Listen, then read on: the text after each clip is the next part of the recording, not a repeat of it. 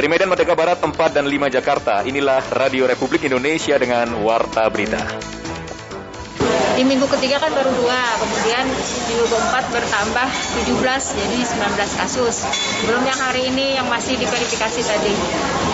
Harga minyak goreng yang per liternya 11.500 itu eh, program dari pemerintah pusat ya, dari per Kementerian Perdagangan dan itu untuk minyak goreng curah. Sari Berita Dalam dua pekan, kasus COVID-19 di Kabupaten Banjar kembali meningkat. Kementerian Perdagangan memberikan subsidi terhadap penjualan minyak goreng curah. Inilah warta berita selengkapnya Rabu 2 Februari 2022 bersama saya Arif Pribadi Dan saya Selena Jamil.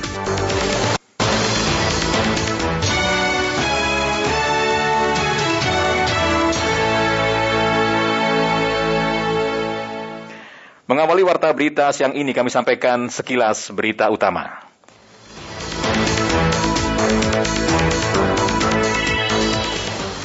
Satgas COVID-19 Daerah Istimewa Yogyakarta meminta seluruh pengelola hotel, restoran, dan destinasi wisata memperketat penerapan protokol kesehatan. Tingkat keterisian tempat tidur rumah sakit atau bed occupancy rate atau BOR terkait COVID-19 di DKI Jakarta telah mencapai 60 persen. Sementara BOR di ruang intensive care unit atau ICU telah mencapai sebesar 28 persen. Seragam baru Satuan Pengamanan atau Satpam diresmikan hari ini dengan warna krem, berbeda dari sebelumnya yang berwarna coklat muda.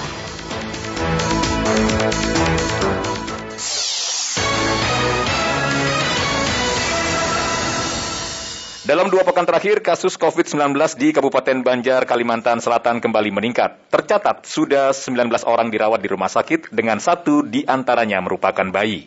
Laporan disampaikan Aulia Rahman. PCR-nya belum keluar, hari ini kita lakukan pemeriksaan PCR. Yang satu bayi, nah yang bayi ini biasanya kan nggak bisa kita... Peningkatan kasus COVID-19 di Kabupaten Banjar, Kalimantan Selatan kembali terjadi.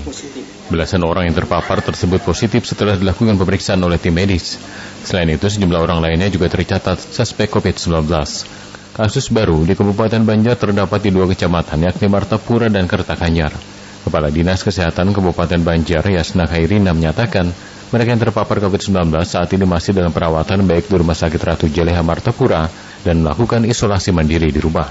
Di minggu ketiga kan baru dua, kemudian minggu keempat bertambah 17, jadi 19 kasus. Belum yang hari ini yang masih diverifikasi tadi. Ketakanyar, Martapura. Sementara itu mendengar dari 8 orang yang saat ini mendapat perawatan di Rumah Sakit Jaleha Martapura karena terkonfirmasi positif COVID-19, satu di antaranya adalah seorang bayi yang juga ditempatkan di ruang isolasi bersama kedua orang tuanya. Sebagaimana penjelasan Direktur Rumah Sakit Ratu Jaleha Martapura, Taufik Norman Hidayat. Yang sudah konfirmasi, jadi PCR-nya positif, yang tiga itu masih swab antigennya positif, jadi PCR-nya belum keluar. Hari ini kita lakukan pemeriksaan PCR. Yang satu bayi, nah yang bayi ini biasanya kan nggak bisa kita, karena memang ibunya positif, jadi bayinya kita rawat di ruang isolasi. Pada kesempatan itu, Taufik Norman Hidayat juga menerangkan beberapa dari mereka yang terpapar COVID-19 diketahui belum menerima suntikan vaksinasi. Meningkatnya kasus COVID-19 pun membuat pemerintah Kabupaten Banjar kembali memperketat protokol kesehatan. Setelah enam bulan Kabupaten Nabire, Papua tidak memiliki data kasus COVID-19, sayangnya pada akhir Januari lalu kembali ditemukan satu kasus COVID-19.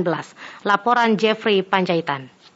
Kita sudah prediksi untuk Natal dan Tahun Baru. Jadi memang setelah Tahun Baru ini mulai muncul prediksi kita betul setelah Natal dan Tahun Baru pasti ada peningkatan kasus. Setelah kurang lebih 6 bulan data kasus COVID-19 di Nabire 0 kasus, akhirnya di akhir Januari 2022 ini kembali ditemukan satu kasus COVID-19 di Kabupaten Nabire. Juru bicara tim gugus tugas COVID-19 Kabupaten Nabire, Dr. Franz Charles Sayori, kepada RRI mengemukakan satu kasus ini memang sudah diprediksi oleh pihaknya karena orang yang berpergian keluar masuk Nabire cukup tinggi pasca perayaan Natal dan Tahun Baru. Dijelaskan, Tim gugus tugas saat ini sedang mengidentifikasi siapa saja orang yang melakukan kontak erat dengan pasien COVID-19 tersebut dan akan lebih ketat mengawasi pergerakan orang keluar masuk Nabire, mengingat saat ini varian baru COVID-19 jenis Omicron sedang merebak. Selain itu menurutnya, Pihaknya juga belum memastikan apakah pasien baru COVID-19 ini membawa varian Omikron atau tidak. Bahwa sudah terlaporkan satu kasus di Kabupaten Nabire. Kita belum bisa pastikan apakah itu varian Omikron ataupun varian lain, Delta dan lain-lain, tetapi yang jelas bahwa ini merupakan COVID-19 karena di tes secara spesifik dengan antigen karena sampai saat ini kita belum punya alat PCR di Nabire. Kita sudah prediksi untuk Natal dan Tahun Baru. Jadi memang setelah tahun baru ini mulai muncul prediksi kita betul setelah Natal dan tahun baru pasti ada peningkatan kasus sehingga kita antisipasi. Tetapi dari kesemua itu ada beberapa bagian ataupun komitmen kita yang harus kita uh, pegang sebagai uh, dasar ya sesuai dengan edaran atau surat edaran Gubernur Papua bahwa yang pertama penguatan manajemen kesehatan. Sementara itu Wakil Bupati Nabire Ismail Jamaludin pada kesempatan itu memerintahkan tim gugus tugas COVID-19 Nabire untuk lebih ketat mengawasi dan memantau masyarakat dalam menerapkan protokol kesehatan dan mengingatkan masyarakat agar waspada terhadap penyebaran COVID-19 di Nabire yang dapat terjadi kapan saja. Kita betul-betul jangan sampai kita kecolongan. Satu saja yang sudah terkontaminasi seperti ini, terkonfirmasi, kita sudah langsung deg-degan ini. Kita antisipasi lagi nih, kayaknya yang jelas ini dari paniai tadi disampaikan oleh Pak Dokter, ini sudah 13 ya. Sedangkan kita punya masyarakat yang ada di Kota Nabire ini lebih banyak bepergian Artinya apa? Kita sementara ini mengambil kesimpulan, kemungkinan besar jika kita yang mengejar, mungkin bisa banyak daripada itu. Nah, kita antisipasi ini. Kami pemerintah daerah apresiasi yang setinggi-tingginya. Terima kasih banyak saya ucapkan TNI Polri dan teman-teman dari tim gugus tugas yang sudah bekerja keras. Dengan adanya keputusan Bupati nomor 4 tahun 2020 ini, saya harap kita bisa lebih bersinergi untuk melaksanakan pengawasan, antisipasi, jangan sampai virus ini dia berkembang di kita punya daerah ini. Di kesempatan berbeda, Ketua Harian Tim Gugus Tugas COVID-19 Nabire, Victor Fun, menjelaskan untuk mengantisipasi berkembangnya kasus baru COVID-19 di Nabire, termasuk varian Omikron, pihaknya telah menyiapkan berbagai fasilitas seperti alat kesehatan, kebutuhan oksigen, dan lokasi karantina isolasi pasien COVID. Berkaitan dengan fasilitas ini kebetulan dari Dinas Kesehatan ada, tapi rumah sakit kita mempunyai sudah menyiapkan uh, ruang isolasi memang di rumah sakit yang dulu isolasi uh, paru, tapi sekarang untuk penanganan khusus COVID-19 dan fasilitas di dalamnya keterbatasan tapi uh, sudah disiapkan tapi memang jumlahnya terbatas pada periode kita kurang lebih hanya 36 eh, tempat tidur saja Pak. Kemarin eh, meningkat varian Delta itu, poli umum ditutup dijadikan ruang isolasi untuk yang COVID-19. Kemarin kami juga sudah cadangkan apabila terjadi perkembangan di rumah sakit kita sudah siapkan guest house dengan uh, diklat untuk kalau terjadi uh, perkembangan varian Delta kemarin. Mudah-mudahan itu juga akan kita manajemenkan untuk hal yang sama. Tapi mungkin izin Bapak Wakil Bupati fasilitasnya memang Eh, tahun lalu sudah disiapkan. Hingga berita ini diturunkan, baru ditemukan satu kasus baru COVID-19, namun tidak menutup kemungkinan akan terus bertambah, karena saat ini masih terus dilakukan pemeriksaan terhadap orang-orang yang melakukan kontak erat terhadap pasien COVID-19 dan juga yang masuk dari luar Nabire. Satgas COVID-19 Provinsi Bali memastikan penanganan kasus COVID-19 di Bali, mulai dari ketersediaan rumah sakit rujukan, obat-obatan hingga tempat isolasi mandiri telah tersedia. Laporan selengkapnya disampaikan Dayu Friska.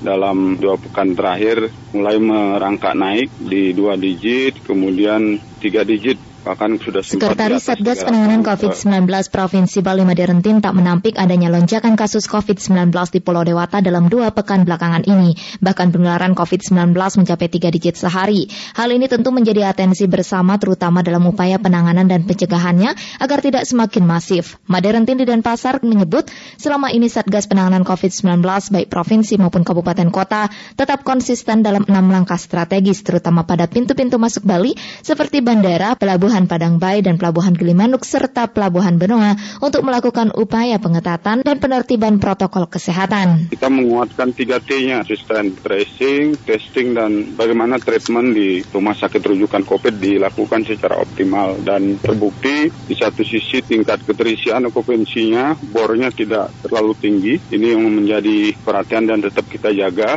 Yang kedua tingkat kesembuhan di rumah sakit rujukan karena perawatannya bagus uh, lebih tinggi dan cepat proses kesembuhan. Hal senada diungkapkan juru bicara Satgas Penanganan COVID-19 Kota Denpasar Dewa Gederai. Selain enam langkah strategis itu, dalam upaya menekan kasus COVID-19 ini, yang paling penting dilakukan adalah kedisiplinan menerapkan protokol kesehatan. Ini kondisi perkembangan COVID-19 di Kota Denpasar yang dalam beberapa hari terakhir ini mengalami tren peningkatan yang menghimbau untuk tetap waspada tetapi tidak perlu panik dan selalu eh, menerapkan protokol kesehatan ketika melakukan aktivitas baik di uh, rumah maupun di luar rumah ataupun kegiatan-kegiatan sosial kemasyarakatan yang lainnya. Dalam upaya pencegahan penularan COVID-19, Satgas juga menyiapkan strategi hilir yakni menyiapkan RS rujukan yang sudah ready, ada 62 rumah sakit rujukan di Bali, diperkuat dengan lab uji sampel dan hotel karantina untuk mengakomodir kebijakan pemerintah pusat menyambut adanya penerbangan langsung ke Bali. Untuk mengantisipasi merebaknya Omikron, RSUD Palangkaraya juga telah menyiapkan ruang isolasi serta memantau dua pasien yang terindikasi terpapar Omikron dan sedang melakukan isolasi mandiri. Laporan disampaikan Edi Suroso. Menurut hasil lab mikro memang positif dari PCR kan ada dua pasien tersebut yang memang probable varian Omikron. Dua dari tiga pasien COVID-19 yang saat ini dirawat di Palangkaraya diduga terindikasi varian Omikron. Hal ini disampaikan Humas RSUD Palangkaraya, Dr. Hendra Pangontaun. Lebih jauh ia mengatakan berdasarkan hasil pemeriksaan baik antigen dan PCR terhadap dua pasien tersebut diduga ada bagian dari virus yang menyerupai Omikron isolasi itu sudah dijalankan dari awal sehingga pasien ini kan dia tidak kontak dengan banyak orang meskipun isolasi mandiri tapi memang lokasinya dia perumahan kemudian pagarnya juga memang dibatasi dan kita jadi memang benar-benar isolasi sifatnya mandiri. Dengan isolasi tersebut diharapkan memang tidak ada penularan ke orang-orang di sekitarnya. Jadi hmm. istilahnya sudah cukup lah untuk memutus mata rantai kasus Omikron ini. Segera melengkapi vaksinnya, apalagi sekarang kan sudah dibuka booster, boleh di rumah sakit kota Palangkaraya.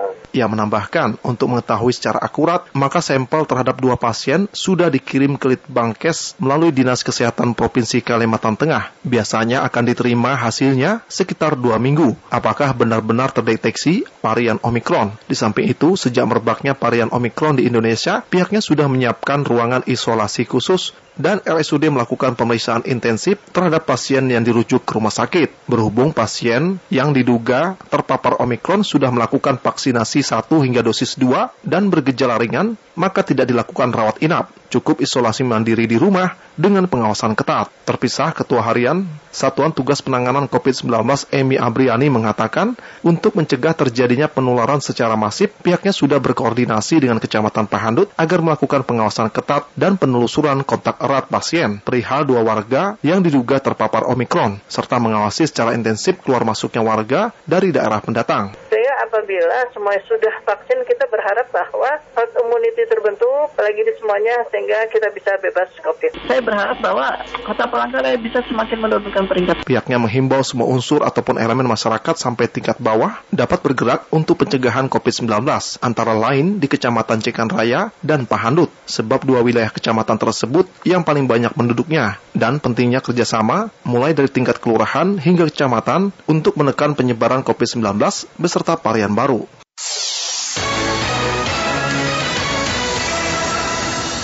Terima kasih Anda masih mendengarkan Warta Berita Produksi Radio Republik Indonesia. Kementerian Perdagangan memberikan subsidi penjualan minyak goreng curah. Upaya ini ditempuh sebagai bentuk usaha menstabilkan harga minyak goreng. Laporan selengkapnya disampaikan Ulfa Nurul Aziza. Kementerian Perdagangan. Kementerian Perdagangan mengeluarkan kebijakan per Selasa 1 Februari 2022 ini minyak goreng dihargai 11.500 per liter. Kepala Seksi Distribusi Bidang Perdagangan Dinas Perdagangan Gunung Kidul Sikit Haryanto mengatakan, adapun harga minyak goreng curah sebelumnya 21.000 per liter. Soal harga minyak goreng yang per liternya 11.500 itu eh, program dari pemerintah pusat ini dari per Kementerian Perdagangan dan itu untuk minyak goreng curah. Sikit menambahkan sementara untuk minyak goreng kemasan masih belum stabil. Menurutnya harga di supermarket anggota Asosiasi Pengusaha Retail Indonesia memiliki harga 14.500 per liter, namun di pedagang pasar masih seperti biasa yakni Rp20.000 per liter. Uh, tapi kita tetap belum bisa ngecek untuk hari ini karena hari ini kita libur. Sementara itu, salah satu pedagang ecer Sani Mega menginginkan penurunan harga minyak tidak terjadi secara drastis, agar nantinya pedagang ecer yang masih memiliki stok lama tidak rugi. Sebenarnya bingung juga dengan harga minyak yang sudah ditetapkan. Saya pedagang ecer yang masih ada sisa stok sedikit dari harga lama yang sangat mahal mau menyesuaikan pun kalau dihitung jelas rugi banyak. Dan lebih bingungnya lagi mau stok minyak masih banyak gudang yang kosong. Di sisi lain hingga kini Sani mengaku belum merasakan dampak dari turunnya harga minyak goreng. Masyarakat menyambut positif kebijakan aturan harga eceran tertinggi atau head minyak goreng yang telah ditetapkan pemerintah kemarin. Selengkapnya dilaporkan Yulianti tanggal 1 Februari 2022, kami juga akan memperlakukan penetapan harga eceran tertinggi minyak goreng Mulai 1 Februari 2022, pemerintah melalui Kementerian Perdagangan akan memperlakukan aturan harga eceran tertinggi HET minyak goreng curah hingga minyak goreng kemasan premium. HET minyak goreng yang ditetapkan pemerintah meliputi minyak goreng curah Rp11.500, minyak goreng kemasan sederhana sebesar Rp13.500, dan minyak goreng kemasan premium Rp14.000 per liter. Harga tersebut sudah termasuk PPN di dalamnya. Kementerian Perdagangan RI juga masih memperlakukan kebijakan minyak goreng satu harga Rp14.000 per liter. Kepala Dinas Perdagangan dan Perindustrian Disperdagin Kabupaten Cirebon Dadang Suhendra kepada RRI mengatakan pihaknya mendukung kebijakan tersebut dan terus memantau ketersediaannya di lapangan melalui dua tim pemantau. Alhamdulillah untuk Kabupaten Cirebon setelah kita melakukan pemantauan tiga minggu ini artinya ketersediaan enam bulan ke depan minyak cukup ada lah di Kabupaten Cirebon. Kan sudah diarahkan oleh pemerintah satu harga sekarang ada pembagian kita dukunglah seperti itu. Sehubungan dengan aturan HET minyak goreng, Tutur Dadang, Disperdagin Kabupaten Cirebon bekerja sama dengan Asosiasi Pengusaha Retail Indonesia APRINDO untuk mensosialisasikan kebijakan itu karena dipastikan masyarakat sudah mengetahui dan memahaminya. Diimbau masyarakat dapat berhemat dan tidak melakukan penimbunan serta belanja sesuai kebutuhan. Sementara salah seorang pedagang mendoan di Cirebon, Dwi Luspita merasa senang adanya kebijakan pemerintah tersebut karena sangat membantu. Kalau saya sih senang aja. Saya tuh jujur baru tahunya tadi pagi Bu dengar di berita. Katanya sekarang udah ditekan sama pemerintah di 11.5. Terus yang premiumnya 14.000. Ya alhamdulillah jadi diatur sama pemerintah. Soalnya kan saya juga berpikirnya ini masa sih minyak goreng naiknya sampai kemarin kan sampai yang 2 liternya itu 40 ribu. Jadi bisa ditekan. Kalau saya dapat yang harga 28 ribu tuh. Senang sekali. Dwi Luspita mengaku saat harga minyak goreng tinggi hanya membeli sesuai kebutuhan dan tidak berani untuk menstok barang. Ia tetap berharap pemerintah dapat mengendalikan harga bukan hanya minyak goreng saja tapi sejumlah kebutuhan pokok masyarakat lainnya.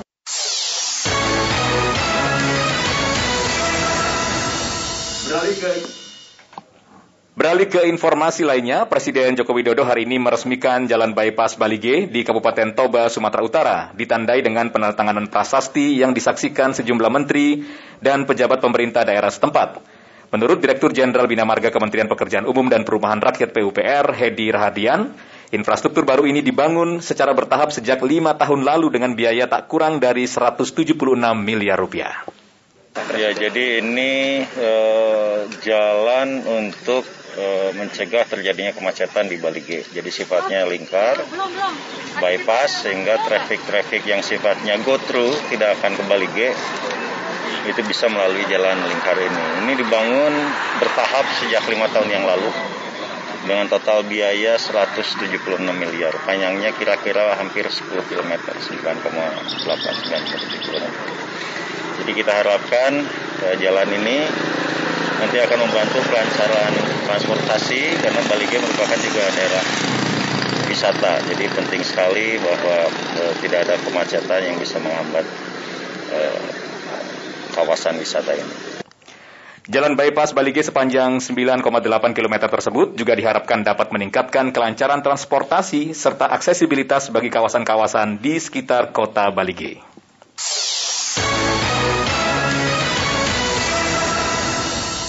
Kepala Organisasi Kesehatan Dunia atau WHO, Tedros Adhanom Ghebreyesus kemarin memperingatkan seluruh kepala negara bahwa terlalu dini untuk menyatakan kemenangan atau menyerah dari penularan COVID-19. Hal itu ia sampaikan menanggapi pernyataan otoritas Denmark pada Selasa lalu yang menjadi negara Uni Eropa pertama menyabut semua pembatasan COVID domestik meskipun ada rekor jumlah varian Omikron yang lebih ringan. Aksi otoritas Denmark itu diduga berpotensi diikuti sejumlah negara lain yang mengamati langkah mereka.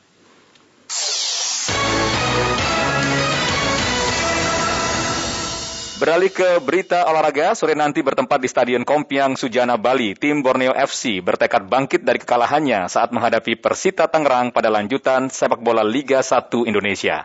Randy Palevi melaporkan selengkapnya. Nah ini yang harus diingat oleh seluruh pemain ya. Ketika kita kehilangan konsentrasi di momen-momen kritis, Skuad Borneo FC dalam dua laga terakhir menelan kekalahan pahit dengan skor yang cukup tipis. Bahkan saat berhadapan dengan Bali United 29 Januari lalu mengalami kebobolan di menit tambahan babak kedua. Kini klub asal kota Samarinda itu perlu fokus menghadapi laga selanjutnya bertemu dengan Persita Tangerang pada Rabu sore ini pukul 16.15 waktu Indonesia Tengah di Stadion Kompiang Sujana Bali. Namun sebelum berlaga pelatih anyar Borneo FC yakni Fahri Husaini perlu membenahi dan meningkatkan daya konsentrasi anak anak asuhnya agar kejadian laga sebelumnya tidak terulang lagi. Menurutnya, kebobolan di menit waktu tambahan yang lalu dikarenakan kurangnya konsentrasi para pemain menjelang akhir laga. Padahal wasit belum menyiapkan peluit panjang tanda berakhirnya pertandingan. Soal konsentrasi ini sudah saya sampaikan kepada seluruh pemain bahwa konsentrasi itu dimulai bahkan sebelum pertandingan itu sudah harus mulai konsentrasi dan batas konsentrasi itu sampai wasit betul-betul meniup peluit tanda berakhirnya pertandingan. Nah ini yang harus diingat oleh seluruh pemain ya. Ketika kita kehilangan konsentrasi di momen-momen kritis di daerah yang apalagi di daerah sepertiga pertahanan kita resikonya besar sekali gitu. Nah apa yang kami alami kemarin kemasukan di menit ke 92 ini salah satunya karena kita kehilangan konsentrasi. Panjang pertandingan seluruh pemain bermain cukup disiplin, cukup bagus. Kami punya beberapa peluang, tapi ketika kami gagal di konsentrasi, kehilangan fokus di menit-menit akhir, kami harus dihukum dengan kekalahan seperti itu. Ini tentu tidak boleh terjadi lagi di laga berikutnya. Sementara itu sebagai salah satu supporter Borneo FC atau yang biasa disebut Pusamania, Iswanur berharap klub kebanggaannya tersebut dapat meraih poin agar bisa meraih posisi klasemen terbaik pada kompetisi musim ini. Ya saya sebagai supporter, sebagai pendukung Borneo FC eh, berharap besok melawan Persita Tangerang bisa mencuri tiga poin dan bisa bertanding atau bisa bersaing di papan klasmen finish di lima besar atau bersaing di zona AFC lah. Karena eh, dari dua kekalahan kemarin bisa dijadikan pelajaran oleh Fahri Husaini yaitu bisa dijadikan pembelajaran untuk eh, Coach Fahri Husaini ke depannya biar bisa mencuri kemenangan atau tiga poin poin terus. Dalam menghadapi Persita Tangerang nanti, Fahri mengatakan ada beberapa pemainnya yang akan absen dikarenakan beberapa kendala seperti dikenakan akumulasi kartu dan pemain yang belum pulih sepenuhnya dari cedera. Namun pemain yang berlaga nanti diyakini sudah siap bermain 100%.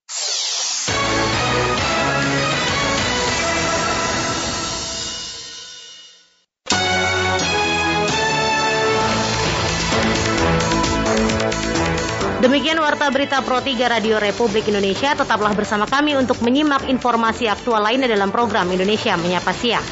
Dapatkan juga informasi aktual dalam portal resmi kami www.rri.co.id serta ikuti media sosial terverifikasi kami di Instagram dan Twitter at RRI Programa 3. Mewakili tim yang bertugas, saya Selena Jamil. Dan saya Arif Pribadi. Selamat siang.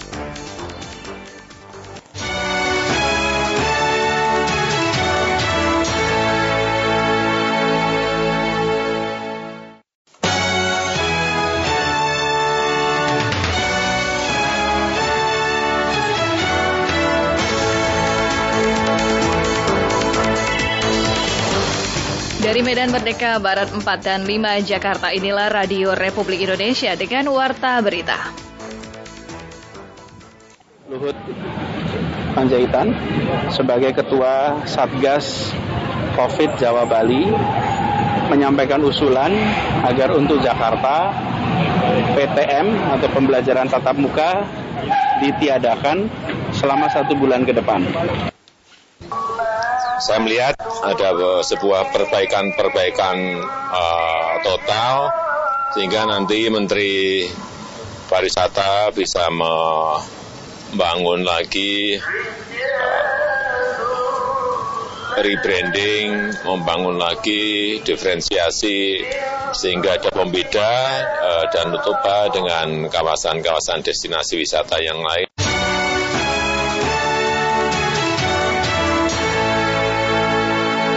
Sari Berita, pemerintah Provinsi DKI Jakarta mengusulkan peniadaan pembelajaran tatap muka atau PTM selama satu bulan ke depan. Presiden Joko Widodo meminta Menteri Pariwisata melakukan rebranding pariwisata Toba. Inilah warta berita selengkapnya Rabu 2 Februari 2022 bersama saya Rudi Zain dan saya Tengku Mazira.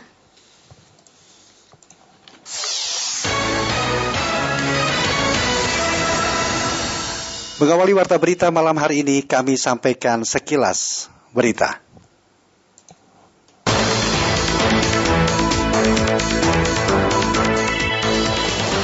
Rumah Sakit Umum Pusat Persahabatan Jakarta Timur akan menambah kapasitas tempat tidur pasien COVID-19 setelah jumlah pasien yang terjangkit COVID-19 mulai meningkat sejak awal Januari 2022. Satuan Tugas Penanganan COVID-19 Kabupaten Ogan Komering Ulu, Sumatera Selatan mencatat 11 kasus positif baru paparan virus corona. Seluruh pertandingan Liga Bola Basket Indonesia atau IBL musim 2022 yang dijadwalkan berlangsung hari ini di Citra Arena Bandung diputuskan ditunda menyusul temuan baru kasus COVID-19 yang menimpa sejumlah pemain.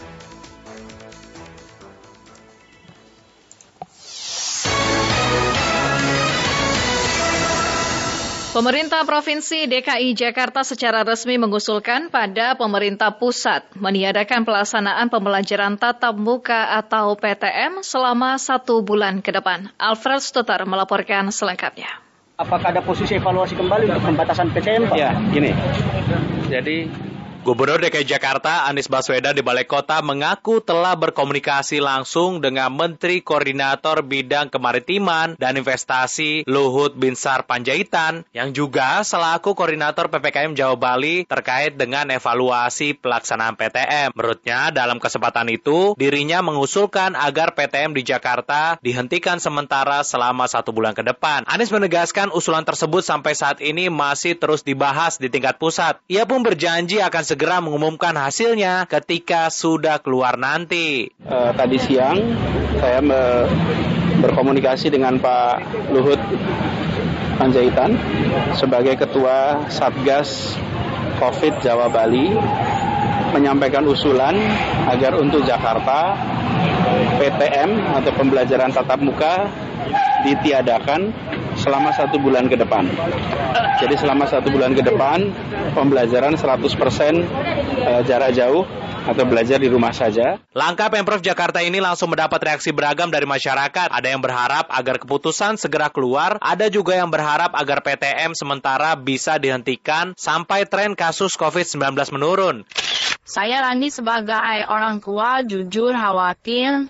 Saya harap ini bisa uh, cepat keluar keputusannya karena ini juga bagian dari kepastian kita para orang tua, terutama anak-anak kita.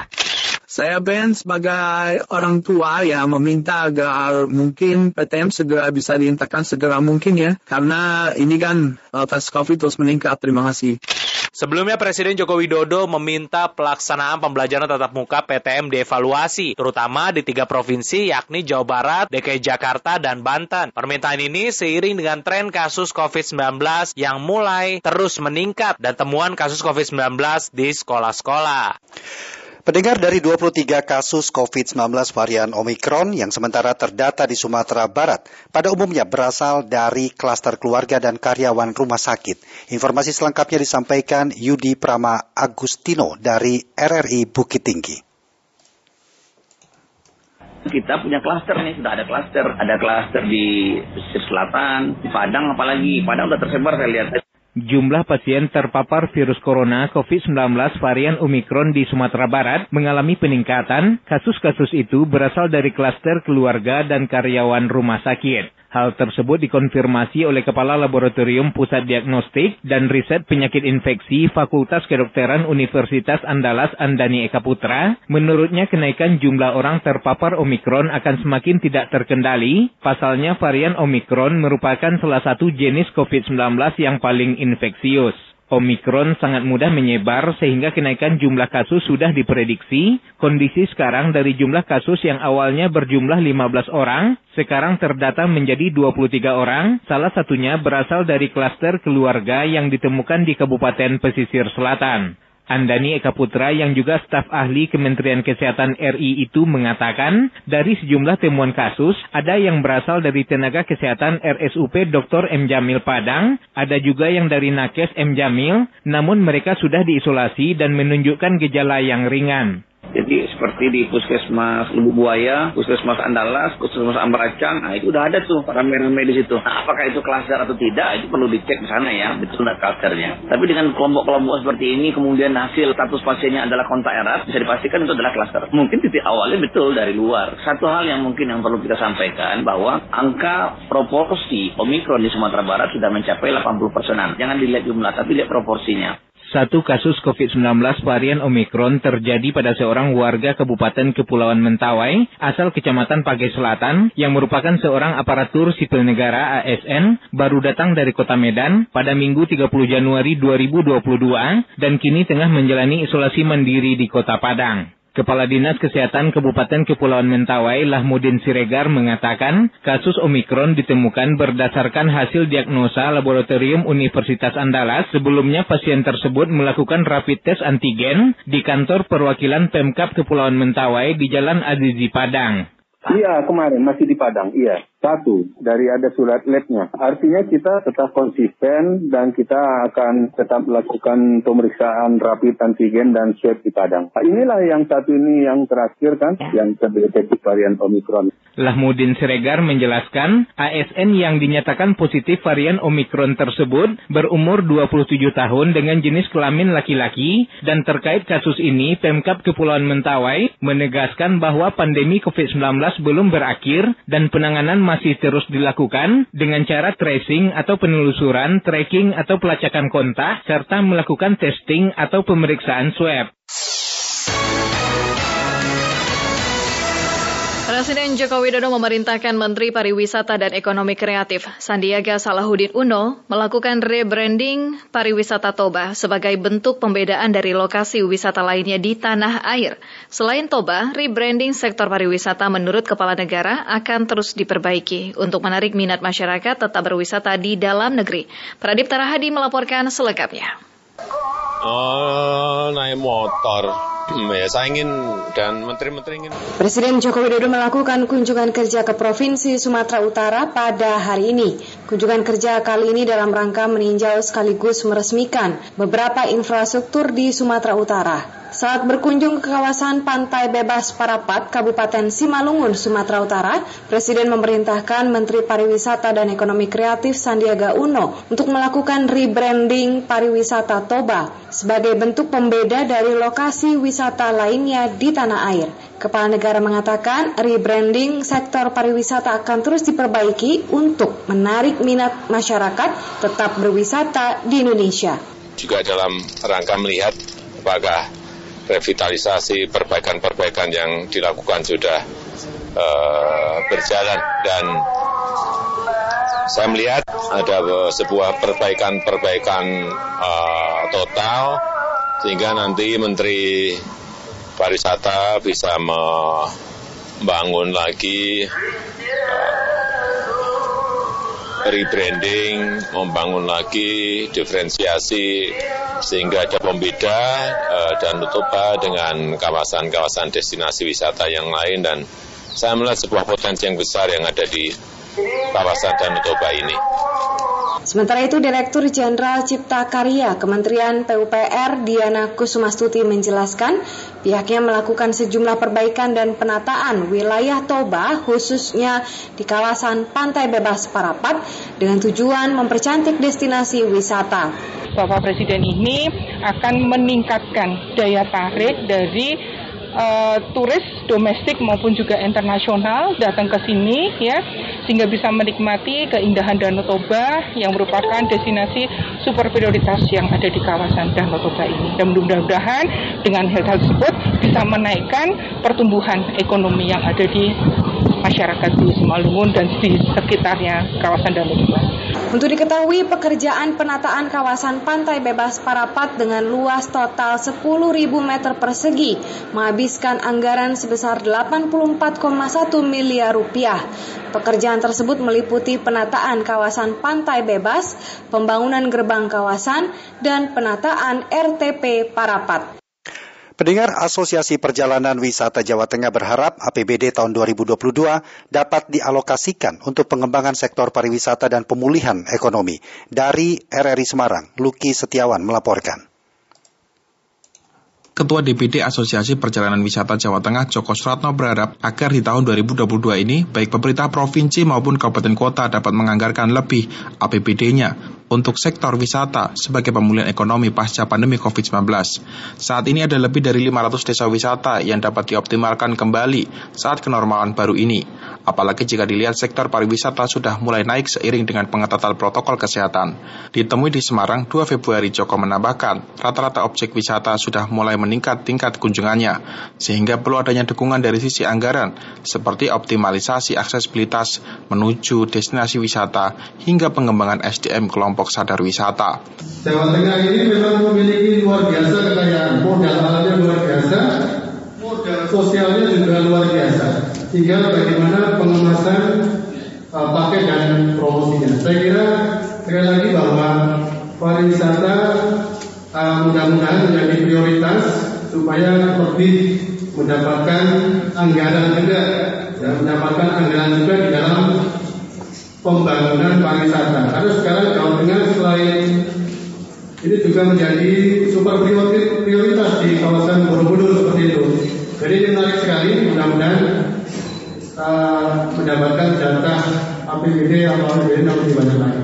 Saya kira itu yang bisa Dukungan terhadap sektor pariwisata ini juga diamini anggota DPD RI perwakilan Jawa Tengah Abdul Kolik. Sejauh ini potensi wisata di Jawa Tengah sangat banyak, perlu adanya pengembangan aksesibilitas sehingga lebih terintegrasi dan mudah diakses antar destinasi wisata. Eh, lokasinya memang itu antara tengah dan selatan seperti di Borobudur dan sebagainya dan itu aksesnya memang dari Jogja kebanyakan ya. Eh, sehingga ini perlu dipikirkan bagaimana kawasan-kawasan ini bisa dibuat zona yang bisa mengintegrasikan kawasan atau destinasi wisata itu menjadi lebih terintegrasi dan mudah diakses.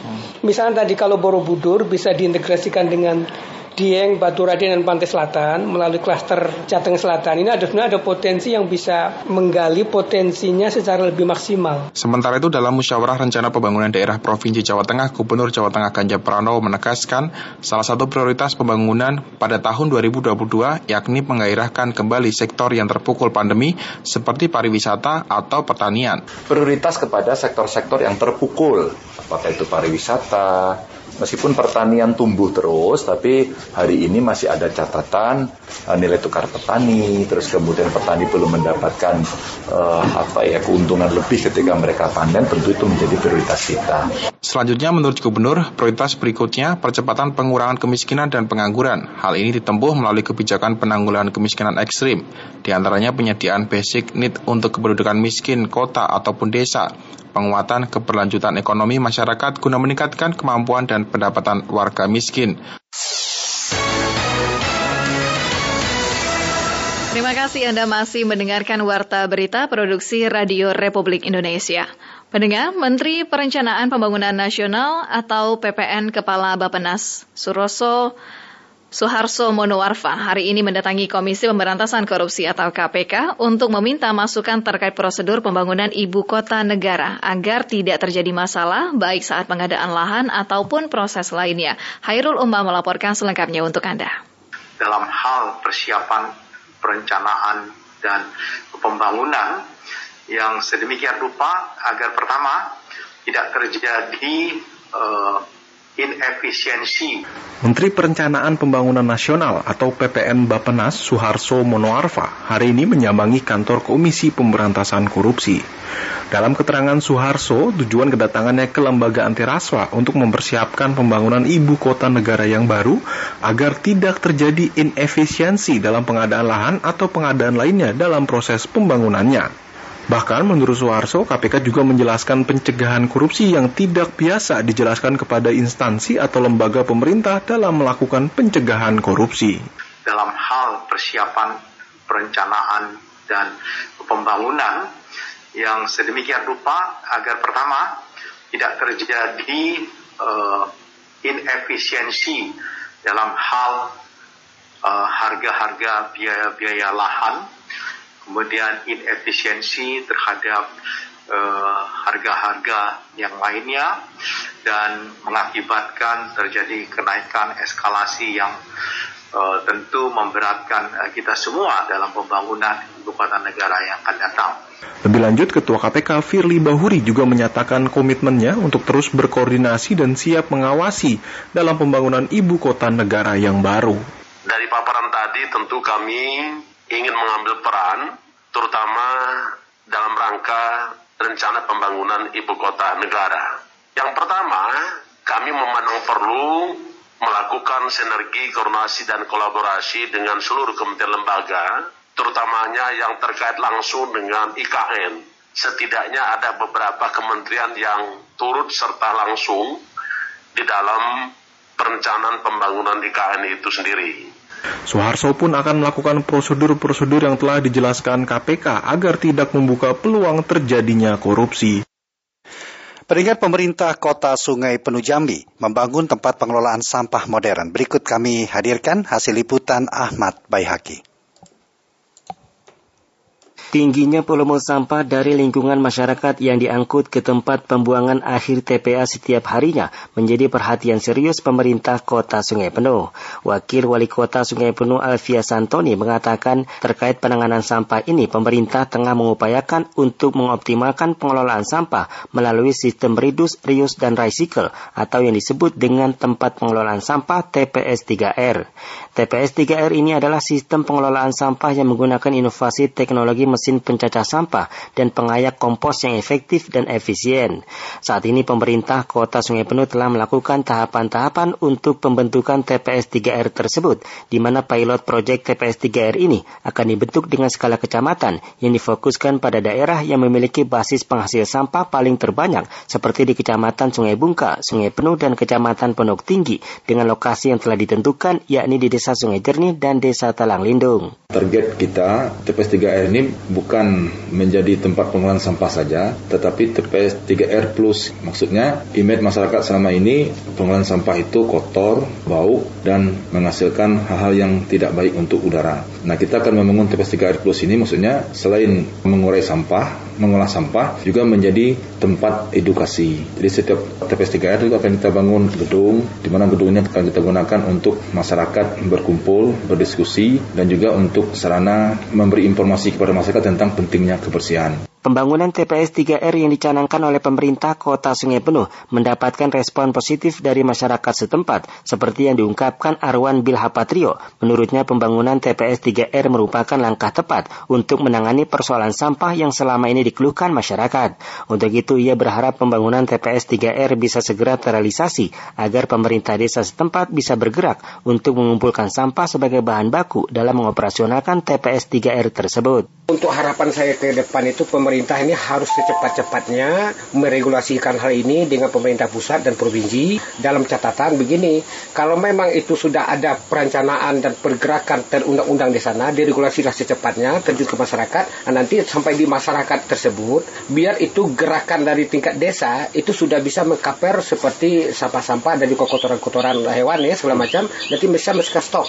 Nah, untuk operasi itu kita harus siap stakeholdernya. Selain dibangun dengan skala kecamatan, TPS 3R ini juga akan dibangun di 16 desa yang tersebar di 8 kecamatan. Dan pemerintah setempat menargetkan pada Mei 2022 mendatang, TPS 3R sudah selesai dibangun dan dapat difungsikan. Beralih ke informasi lainnya, pemerintah Indonesia melalui Kementerian Koordinator Bidang Pembangunan Manusia dan Kebudayaan menyatakan kesiapan untuk menjadi tuan rumah penyelenggaraan Forum Global Pengurangan Resiko Bencana yang berlangsung pada bulan Mei mendatang. Berikut laporan Fitra Maria.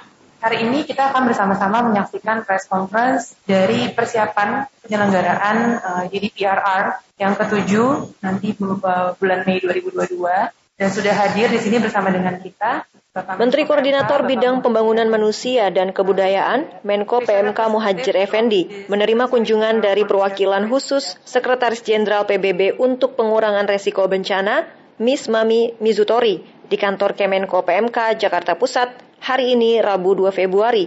Kunjungan tersebut dalam rangka meninjau persiapan penyelenggaraan Global Platform for Disaster Risk Reduction atau GPDRR ke-7 yang akan berlangsung di Bali pada bulan Mei mendatang. Forum global yang berlangsung dua tahunan sekali ini akan membahas isu-isu tentang pengurangan resiko bencana yang terjadi di dunia. Forum ini melibatkan 193 negara dan Indonesia berkesempatan untuk menjadi tuan rumah tahun ini. Melalui kesempatan pada sore ini, Indonesia menyatakan kesiapannya sebagai tuan rumah penyelenggara GPDRR tahun 2022 untuk mendorong negara-negara di seluruh dunia dapat terhubung, berkolaborasi, dan berbagi ide serta pengetahuan berkaitan dengan pengurangan risiko bencana untuk dunia yang lebih tangguh secara berkelanjutan dan merata. Pemerintah Indonesia juga berkomitmen untuk menyelenggarakan pertemuan internasional yang aman dan menyenangkan dengan aturan protokol kesehatan. Muhajir menjelaskan penyelenggaraan GPDRR 2022 merupakan momentum kolaborasi lintas kementerian lembaga dalam mendorong pemulihan ekonomi lokal dan nasional, termasuk meningkatkan pariwisata di Bali. Meski berlangsung di tengah pandemi COVID-19, berbagai upaya sudah dipersiapkan oleh pemerintah Indonesia, termasuk pengamanan dan antisipasi ancaman COVID-19 dengan protokol kesehatan ketat, menerapkan sistem bubble. Pada pekan lalu, eh, saya selaku Menko PMK telah meninjau persiapan lokasi penyelenggaraan di Bali, mulai dari bandara untuk memastikan persiapan dan keamanan kedatangan para delegasi. Saya nyatakan bahwa persiapan di lapangan sudah cukup baik. Dalam kesempatan itu, Miss Mami Mizutori mengatakan agenda GPDRR merupakan kesempatan bagi seluruh negara anggota PBB, stakeholders terkait, mitra, akademisi, serta para pemimpin dan perwakilan kalangan swasta untuk menunjukkan dan berpikir bersama mengenai praktek kesiapsiagaan dan ketahanan di bidang resiko bencana di seluruh dunia. The overall theme Tema besar penyelenggaraan Global Platform tahun ini, sebagaimana telah disampaikan oleh Bapak Menteri, adalah From Risk to Resilience towards Sustainable Development for All in the COVID-19 Transform World. Dalam hal ini, fokus pertemuan berikut ini adalah untuk melihat bagaimana pandemi COVID-19 telah menjadi tantangan bersama dalam memahami risiko yang dihadapi di bidang bencanaan. Pertemuan juga akan melihat bagaimana krisis global dapat dijadikan sebuah kesempatan untuk merubah dan transformasikan berbagai kesempatan yang telah disepakati bersama untuk agenda 2030. to become more resilient. Hasil dari pertemuan ini menjadi sangat penting karena semua catatan dan capaian akan menjadi masukan bagi pertemuan midterm review yang akan diselenggarakan pada tahun 2023 serta juga menjadi masukan bagi implementasi agenda Sustainable Development Goals pada tahun 2030. Tren kenaikan harga berlanjut di bulan Januari 2022. Laporan Badan Pusat Statistik menyebutkan laju inflasi pada bulan Januari tahun ini sebesar 0,56 persen, yang didukung oleh naiknya harga daging ayam ras, beras, dan LPG non-subsidi. Magdalena Krisnawati menyampaikan informasinya untuk Anda.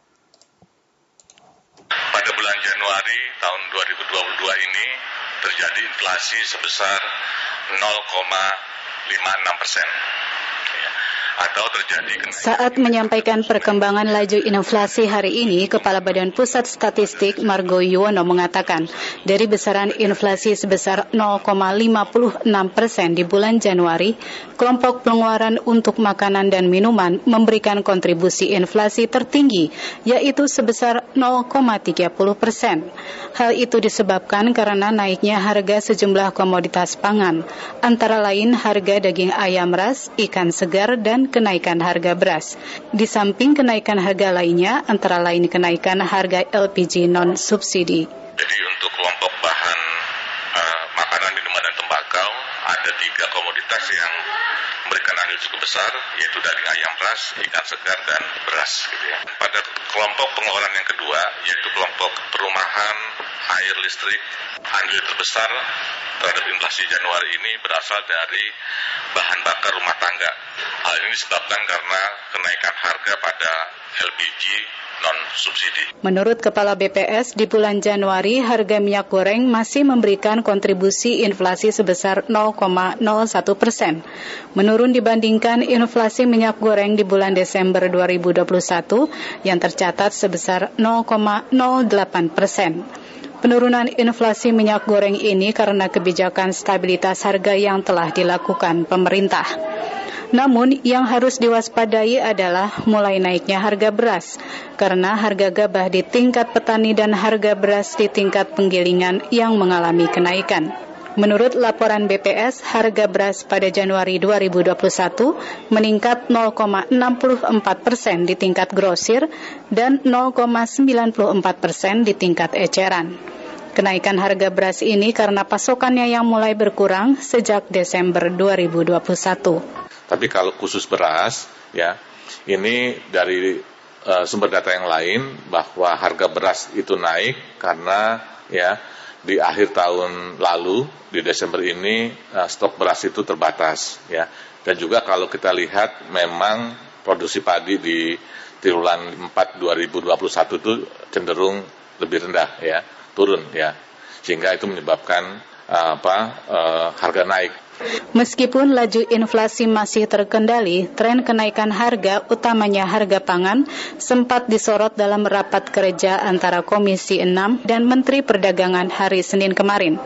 Wakil Ketua Komisi 6 DPR Martin Manurung meminta Menteri Perdagangan Muhammad Lutfi untuk memberikan perhatian terhadap laju inflasi akibat kenaikan harga pangan yang sudah terasa di akhir tahun 2021. Karena inflasi harga pangan yang terjadi bukan karena meningkatnya permintaan, tapi lebih disebabkan dari sisi penawaran atau dari sisi produsennya. Kementerian Perdagangan agar lebih aktif melakukan kontrol harga di pasaran, apalagi kalau sudah mendekati. Menjawab soal pengendalian inflasi pangan, Menteri Perdagangan Muhammad Lutfi mengatakan Kementerian Perdagangan berupaya menjaga keseimbangan antara kepentingan konsumen, produsen, maupun dari sisi petani dalam menjaga stabilitas harga agar tidak ada yang dirugikan. Memang di akhir tahun itu naik tinggi, kenapa? Uh, uh, karena memang ada petani-petani uh, seperti cabai dan kemudian telur dan dan uh, ayam itu mengambil keuntungan. Tetapi pada Januari 1 harganya harga telur itu sudah drop lagi. Sebenarnya yang kejadian adalah petani kita itu korban. Ketika kita bicara masalah harga, kita ini pemerintah ini saya ini tangannya ada dua. Belain yang mana? Belain yang rakyat atau belain konsumer atau belain petani? Saya mesti menyeimbangkan antara kedua hal tersebut. Lebih lanjut, Menteri Perdagangan Muhammad Lutfi mengatakan, tren kenaikan inflasi di Indonesia biasanya terjadi dua kali, yaitu pada saat Lebaran dan pada saat Natal serta Tahun Baru. Namun Menteri Perdagangan menegaskan akan menjaga stabilitas harga dan pasokan pangan di tahun ini agar tidak memicu inflasi yang lebih tinggi dan memberatkan masyarakat. Berita mancanegara, ketidakstabilan yang meningkat di Myanmar sejak kudeta militer satu tahun lalu telah menyebabkan lonjakan produksi narkotika dan penyeludupan ke kawasan Asia Tenggara dan sekitarnya. Menurut kantor Perserikatan Bangsa-Bangsa untuk Urusan Narkoba dan Kejahatan atau UNODC. Otoritas di Laos, Thailand, dan Myanmar telah menyita setidaknya 90 juta tablet meta, metafetamin dan 4,4 ton kristal metamfetamin pada bulan lalu yang kebanyakan dibuat di area perbatasan terpencil negara bagian Shan dan Myanmar. Kita beralih ke berita olahraga. Pemain PSS Sleman yang terpapar COVID-19 bertambah lima orang, sehingga klub berjuluk Super Elang Jawa itu harus kehilangan delapan pemainnya pada beberapa laga Liga 1 Indonesia. Kita simak laporan Rosihan Anwar berikut ini dari awal city value yang berbeda-beda ternyata juga menentukan kesembuhan yang berbeda-beda. Kami catat ada yang lima hari, ada yang sepuluh hari, dan ada Badai pandemi menerpa PSS Sleman jelang laga melawan Persik Kediri. Satgas COVID-19 Provinsi Bali mengumumkan lima pemain PSS terkonfirmasi positif corona pada Rabu pagi. Dengan kondisi tersebut, sudah delapan orang pemain PSS yang dipastikan tak dapat tampil akibat terpapar COVID-19. Feras Ardiles Muhammad, dokter tim PSS, menyebutkan sebelumnya ada tiga pemain terdeteksi terinfeksi positif COVID-19 pada Senin sore. Sedangkan ketika hendak memulai latihan pada Rabu pagi, hasil tes usap yang dilakukan terhadap seluruh awak tim menyatakan lima pemain lagi terpapar virus corona. Veras mengungkapkan sejumlah pemain yang terkonfirmasi positif sudah diawasi ketat oleh pihak klub guna menjalani proses karantina. Untuk saat ini ketika pemain tersebut sudah menjalani karantina, kami akan terus koordinasi dengan pihak berwenang, terutama Satgas COVID di Provinsi Bali dalam hal ini mengenai protokol kesehatan yang berlaku. E, sampai saat ini pemain tersebut mengalami gejala ringan, sedang dikarantina namun secara terpisah. Tujuannya untuk masa pemulihan agar lebih cepat. Sementara itu Alvan Nur Ashar, koordinator Satgas COVID-19 PT LIB menyatakan sebagai operator liga, PT LIB telah menerima informasi setidaknya ada 12 klub yang melaporkan awak tim mereka terpapar corona. Alvan Nur Ashar menegaskan PT LIB telah menginstruksikan kepada seluruh awak tim yang terpapar untuk menjalani karantina secara ketat. Jadi untuk total tim yang sekarang ada terjangkit positif konfirmasi itu kami catat ada 12 tim tetapi dengan porsi antara pemain dan official berbeda-beda. Dari 12 tim tadi total ada 68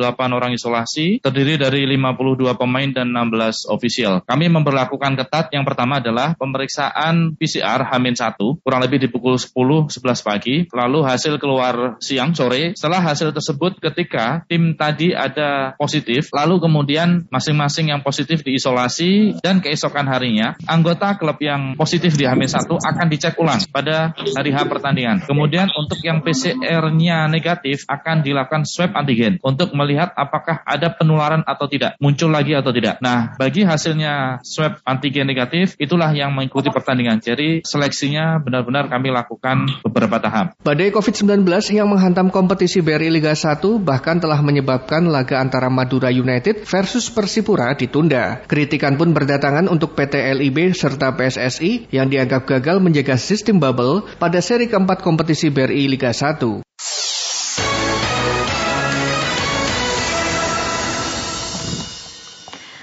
Pendengar demikian Warta Berita Pro 3 Radio Republik Indonesia. Kami harap Anda telah tetap bersama kami untuk menyimak informasi aktual lainnya dalam program Indonesia Menyapa Petang. Dapatkan juga informasi aktual dalam portal resmi kami www.rri.co.id serta ikuti media sosial terverifikasi kami di Instagram dan Twitter at RRI Programa 3. Mewakili tim yang bertugas, saya Rudi Zain. Dan saya Tengku Mazira. Selamat, Selamat malam. malam.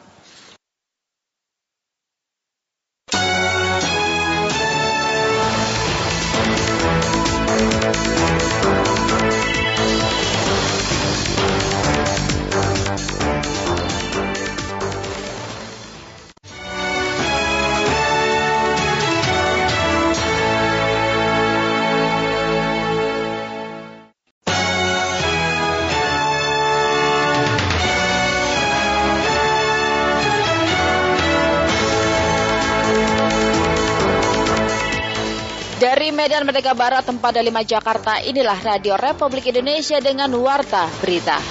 Memang terlihat ada tren yang berubah meningkat secara signifikan sehingga mengkhawatirkan dari sisi kapasitas rumah sakit, maka uh, akan bisa dilakukan pengetatan. Uh, perkembangan peningkatan pasien yang terus meningkat per harinya sekitar 100 sampai 150, berarti COVID ini masih terus berkembang.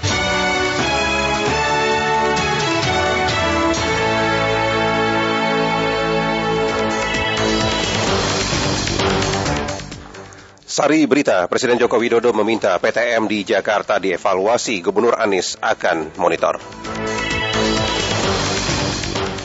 Keterisian tempat tidur pasien COVID-19 di Rumah Sakit Darurat Wisma Atlet mulai meningkat. Inilah warta berita selengkapnya Rabu 2 Februari 2022 bersama saya Zaini. Dan saya Dan saya Andela Kusuma.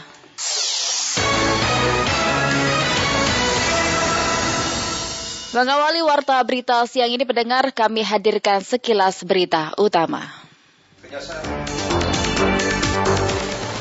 Kejaksaan Tinggi Sumatera Utara berhasil menangkap mantan Kepala Cabang Bank Syariah Mandiri Medan berinisial W yang buron sejak Desember 2018. W merupakan tersangka kasus dugaan korupsi kredit fiktif 27 miliar rupiah yang diajukan Koperasi Pertamina UPMS Medan tahun 2011.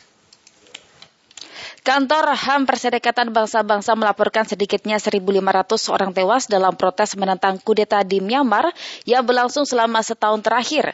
Dikutip oleh Reuters, 8 ribuan orang masih ditahan. Myanmar sendiri membantah jumlah korban tewas yang dirilis oleh kelompok-kelompok HAM. Pelatih Tim Nasional Indonesia Sintayong memanggil 29 pemain Timnas U23 untuk menjalani pemusatan latihan persiapan Piala AFF U23 2022 di Kamboja. Pemain yang dipanggil tersebut di antaranya dua pemain berusia 17 tahun, yaitu Ronaldo Kuateh dan juga Marcelino Ferdinand. Piala AFF U23 akan berlangsung pada 14 sampai dengan 26 Februari 2022. Indonesia berstatus juara bertahan.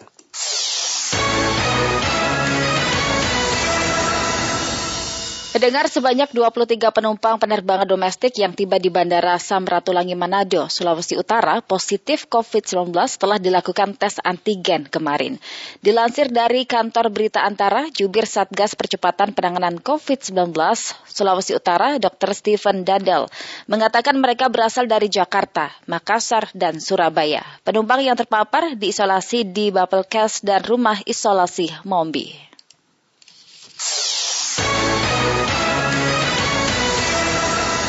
Gubernur DKI Jakarta Anies Baswedan belum memutuskan untuk menghentikan kegiatan pembelajaran tatap muka. Pihaknya akan terus memantau pelaksanaan PTM.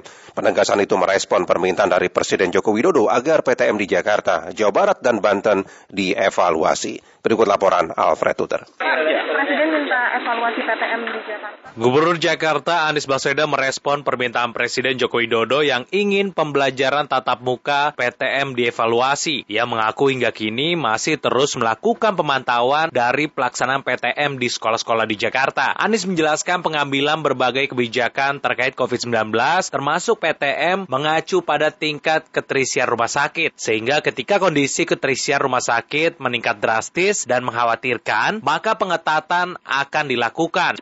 Sekarang kita monitoring terus tentang keterisian uh, rumah sakit. Dan kemudian apabila memang terlihat ada tren yang berubah meningkat secara signifikan sehingga mengkhawatirkan dari sisi kapasitas rumah sakit, maka uh, akan bisa dilakukan pengetatan. Sementara itu, Kepala Bidang Pencegahan dan Pengendalian Penyakit Dinas Kesehatan Provinsi DKI Jakarta, Dwi Oktavia, mengungkapkan antrian pasien COVID-19 mulai terjadi di sejumlah rumah sakit yang diminati oleh masyarakat. Dwi menjelaskan total ada sebanyak 140 rumah sakit rujukan yang melayani pasien COVID-19 di Jakarta. Ia pun tak menampik bila kasus COVID-19 terus mengalami peningkatan. Keterisian tempat tidur di rumah sakit relatif sebenarnya masih cukup aman, bukan baik ya, masih agak aman tuh uh, ya uh, ter meningkat kasusnya, uh, meningkat keterisian tempat tidurnya, tetapi relatif masih di range kurang dari 70 persen. Berarti sebenarnya secara umum kita masih bisa menemukan cukup banyak rumah sakit yang punya tingkat keterisian tempat tidur yang masih longgar. Nah, e, mungkin di sebagian rumah sakit yang lebih diminati oleh masyarakat memang terjadi antrian atau men, apa ada beberapa uh, pengaturan yang membutuhkan waktulah untuk bisa masuk orang ke uh, perawatan seperti itu. Sebelumnya, Presiden Joko Widodo meminta PTM dievaluasi. Jokowi menekankan evaluasi PTM terutama harus dilakukan di tiga provinsi yakni Jawa Barat, DKI Jakarta, dan Banten. Dari Jakarta, Alfred Stuter, Pro 3 RRI.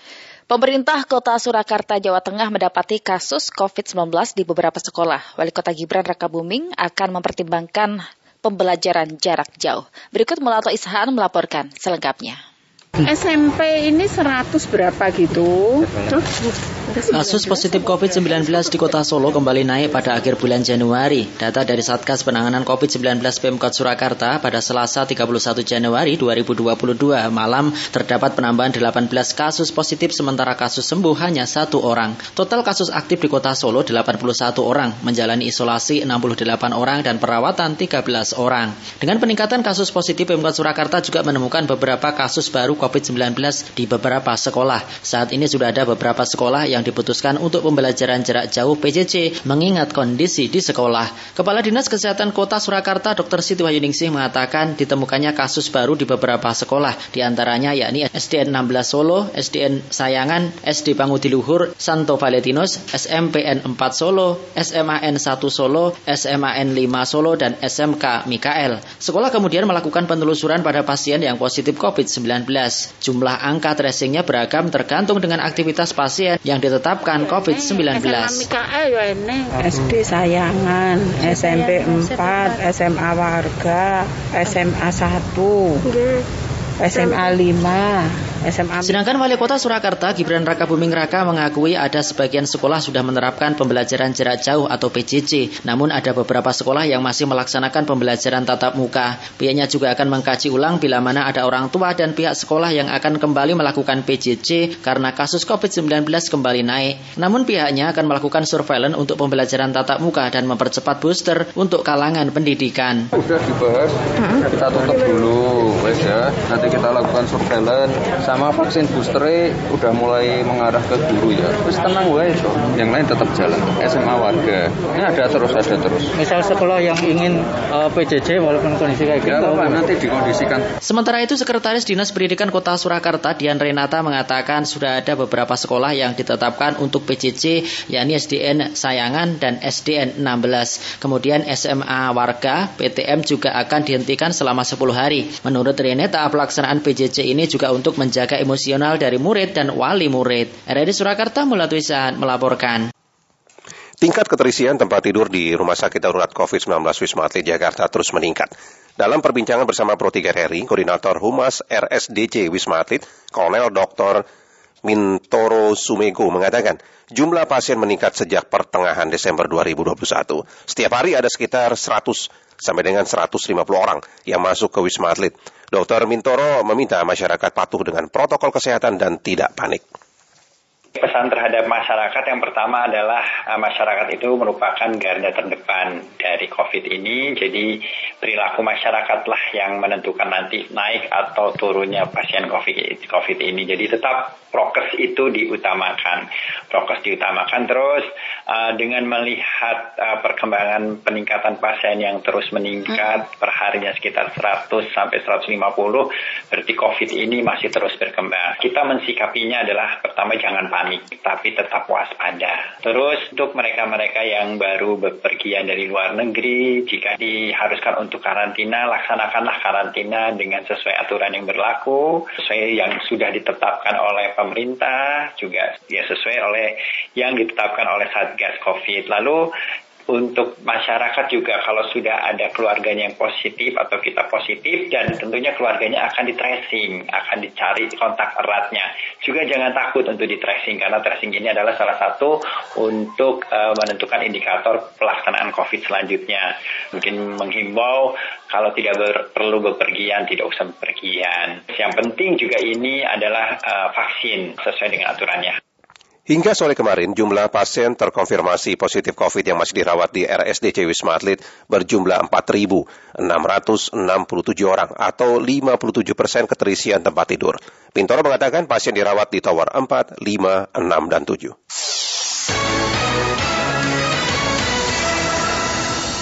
Anda masih mendengarkan Warta Berita Radio Republik Indonesia. Pendengar Jakarta sebagai salah satu dari tiga daerah yang diminta untuk mengevaluasi proses pembelajaran tatap muka atau PTM yang masih menggunakan angka keterisian rumah sakit dan status level PPKM sebagai acuan untuk mengubah status pembelajaran di sekolah.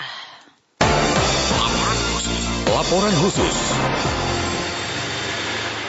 Gak usah antri, cari kerannya banyak. Kalau di depan kelasnya juga boleh. Presiden Joko Widodo meminta evaluasi secara menyeluruh terkait pembelajaran tatap muka atau PTM di wilayah Jawa dan Bali. Hal tersebut dikemukakan Presiden saat memberikan pengarahan dalam rapat terbatas evaluasi PPKM dari Bandar Udara Internasional Sultan Haji Muhammad Sulaiman Balikpapan, Kalimantan Timur. Ada tiga daerah yang mendapat sorotan untuk dievaluasi terkait pembelajaran tatap muka.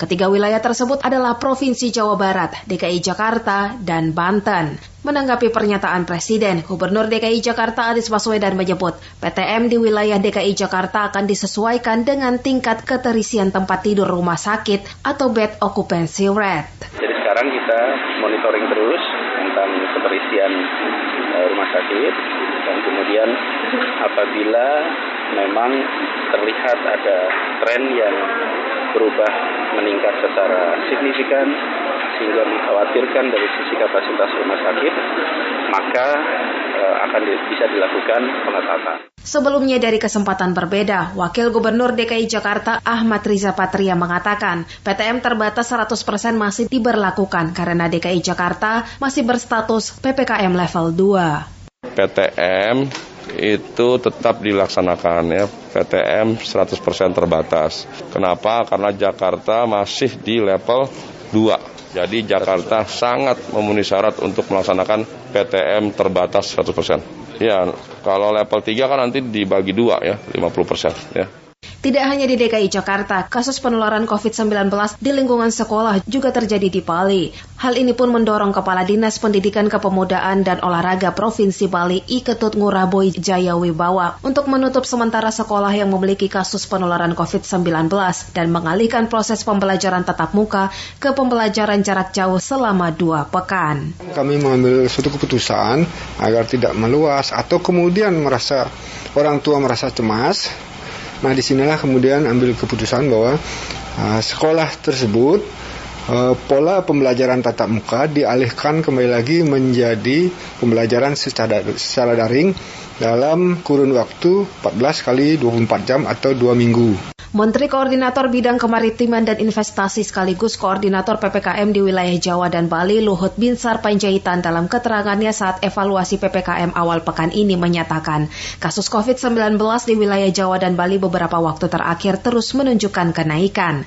di mana DKI Jakarta masih menjadi daerah dengan tingkat kasus tertinggi. Hari ini pula saya sampaikan bahwa kasus COVID-19 di Jawa Bali terus meningkat namun terdapat juga penurunan kasus harian dalam tujuh hari terakhir ini. Dan ini juga seperti anomali yang kami lihat. Meski kami akan terus mengamati perkembangan dalam satu minggu depan, saat ini kasus konfirmasi masih didominasi oleh Provinsi Jakarta, DKI Jakarta. Namun dalam beberapa hari terakhir, kasus konfirmasi juga mulai terdeteksi dan naik uh, cukup signifikan di provinsi lain di Jawa Bali. Saat ini juga positivity rate sudah berada di atas standar WHO yaitu 5 persen. Hal tersebut didorong oleh positivity rate PCR test yang telah mencapai 24 persen. Jumlah orang diperiksa dan dites secara harian juga meningkat cukup signifikan dibandingkan beberapa waktu yang lalu. Ini saya kira kerja keras TNI Polri dan BIN yang perlu kita apresiasi. Untuk itu pemerintah terus menghimbau kepada masyarakat agar tidak perlu takut untuk segera melakukan pemeriksaan tes antigen maupun PCR apabila merasakan gejala flu dan batuk. Hal ini dilakukan semata-mata untuk dapat segera mengetahui kondisi pasien dan melakukan perawatan ya, sehingga memutus mata rantai penyebaran COVID-19. Selain itu, kasus kematian harian di Jawa Bali juga meningkat yang didorong oleh Provinsi DKI Jakarta. Sementara wilayah lain di Jawa Bali masih dalam keadaan yang cukup rendah.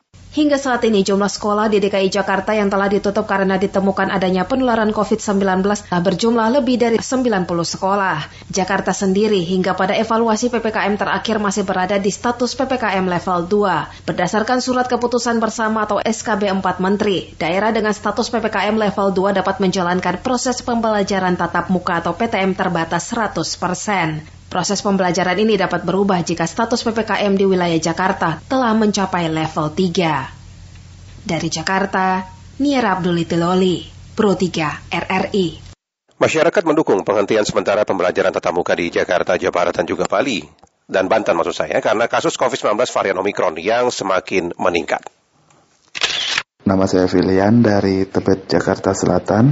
E, menurut saya ini cukup bijak mengingat jumlah kasus COVID-19 varian Omikron terus meningkat. Bahkan sudah banyak siswa yang tertular.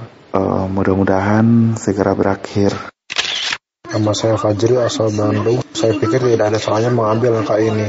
Apalagi jika memang tiga daerah yang dimaksud kasus ternyata terus meningkat. Jangan sampai lebih banyak anak harus tertular varian Omicron ini.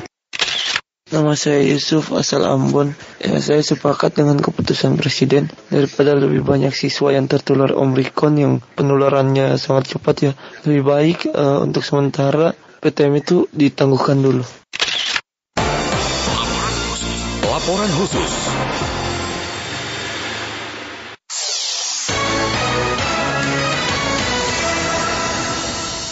Pendengar komentar RRI pagi ini menyoroti tentang kegiatan pembelajaran tatap muka atau PTM yang mendesak untuk dievaluasi di tengah terus meningkatnya kasus COVID-19. Naskah disusun oleh Luna Elia dan dibacakan oleh Tomo Hakim.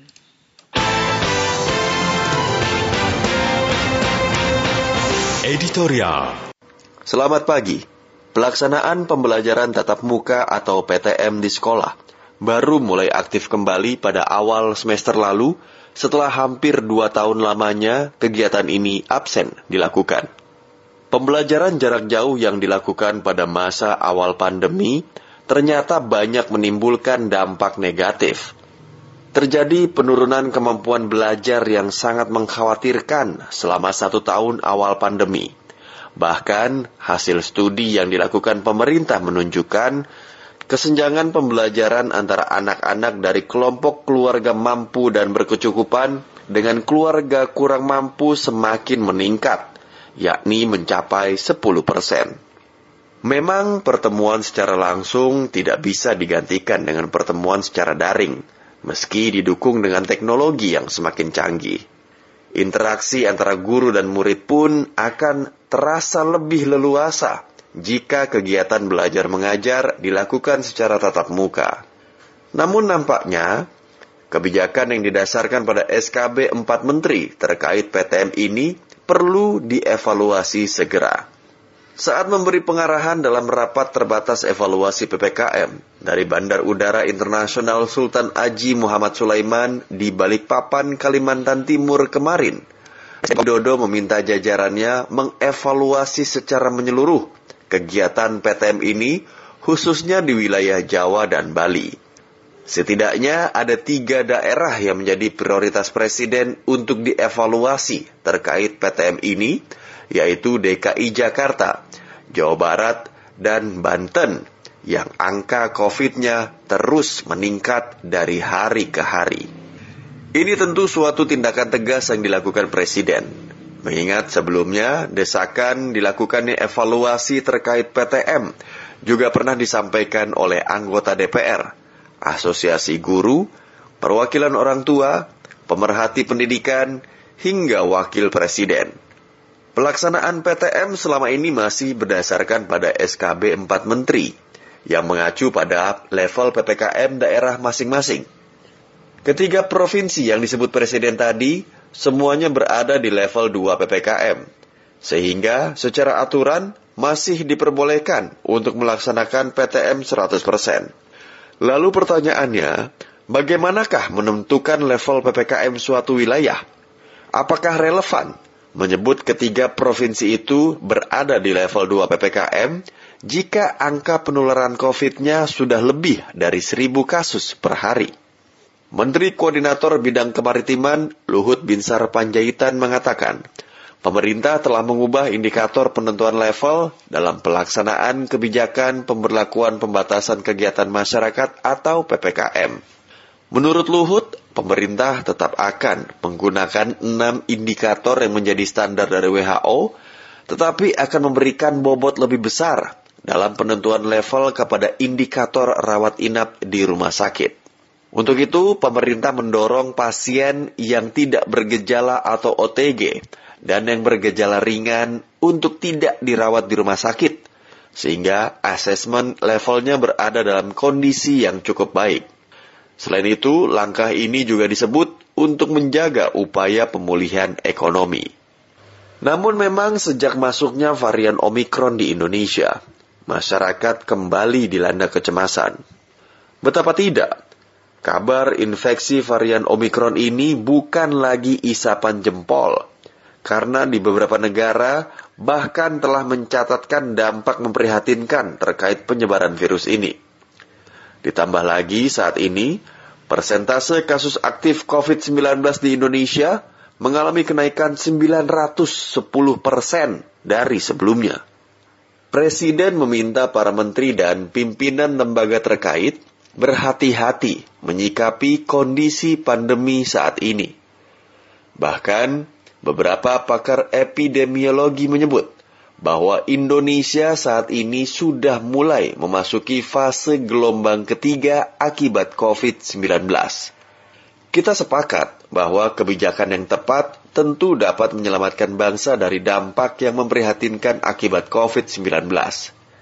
Jika memungkinkan, kegiatan belajar mengajar dilakukan dengan memadukan pertemuan luring dan daring kembali untuk beberapa saat, mengapa tidak kembali segera diputuskan?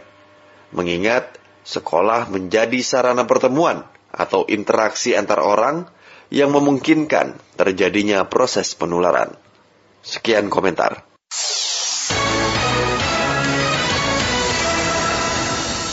Beralih ke berita mancanegara, Presiden Amerika Serikat Joe Biden menunjuk Qatar sebagai sekutu utama non-NATO. Ini merupakan cerminan hubungan baik kedua negara yang telah berlangsung selama 50 tahun terakhir. Berikut laporan Retno Madasari. Uh, Amerika Serikat menunjuk Qatar sebagai sekutu utama non-NATO. Hal itu terungkap dalam pertemuan bilateral Presiden Amerika Serikat Joe Biden bersama Emir Qatar Sheikh Tamim bin Hamad Al Thani di Gedung Putih, Washington DC, Amerika Serikat, Senin sore waktu setempat. Biden menyebut penunjukan Qatar adalah sebagai cerminan hubungan baik kedua negara yang telah terjalin selama 50 tahun terakhir. Saya memberitahu Kongres saya akan menunjuk Qatar sebagai sekutu utama non-NATO untuk mencerminkan pentingnya hubungan kita. Saya pikir itu sudah lama tertunda. Pada pertemuan yang digelar secara fisik itu, Biden juga mengapresiasi komitmen Qatar menjaga stabilitas di kawasan, seperti merelokasi ribuan warga Afghanistan pada September 2021 lalu. Di sisi lain, Biden menambahkan kedua negara sepakat untuk melanjutkan kerjasama di sektor energi hingga mendukung rakyat Afghanistan. Uh, Tahun lalu kemitraan kami dengan Qatar telah menjadi pusat dari banyak kepentingan kami yang paling vital, merelokasi puluhan ribu warga Afghanistan, menjaga stabilitas stabilitas di Gaza dan memberikan bantuan hidup kepada Palestina, menjaga tekanan terhadap ISIS dan mencegah ancaman di Timur Tengah dan banyak lagi. Emir Qatar Sheikh Tamim mengatakan hubungan yang solid kedua negara diperkuat dengan komitmen bersama menjaga stabilitas di kawasan khususnya berkaitan dengan rakyat Afghanistan dan Palestina. Emir Qatar memastikan kedua negara juga memiliki komitmen untuk menjaga perdamaian di kawasan. Saya pikir kami menunjukkan betapa solid dan seberapa kuat kami dapat bekerja bekerjasama. Bekerjasama dalam apa yang kami lakukan di Afghanistan. Kami sangat bangga bahwa kami berhasil mengevakuasi puluhan ribu orang Afghanistan, persamaan hak rakyat Palestina, dan isu lainnya di kawasan. Di dalam pertemuan bilateral turut disinggung mengenai maskapai Qatar yang telah melakukan penandatanganan kerjasama dengan Boeing senilai 20 miliar dolar Amerika Serikat dan menjadikannya sebagai kesepakatan terbesar yang pernah ada di Amerika Serikat. Di mana Qatar Airways Airways memesan versi kargo baru dari jet penumpang 777X dan pesanan sementara untuk jet 737 MAX dari Boeing. Pemesanan ini dilakukan dalam upacara di Washington Senin 31 Januari. So thank you very much for, uh, Dari Jakarta, Retno Mandasari, Pro 3, RRI. As you mentioned that we'll be talking about uh...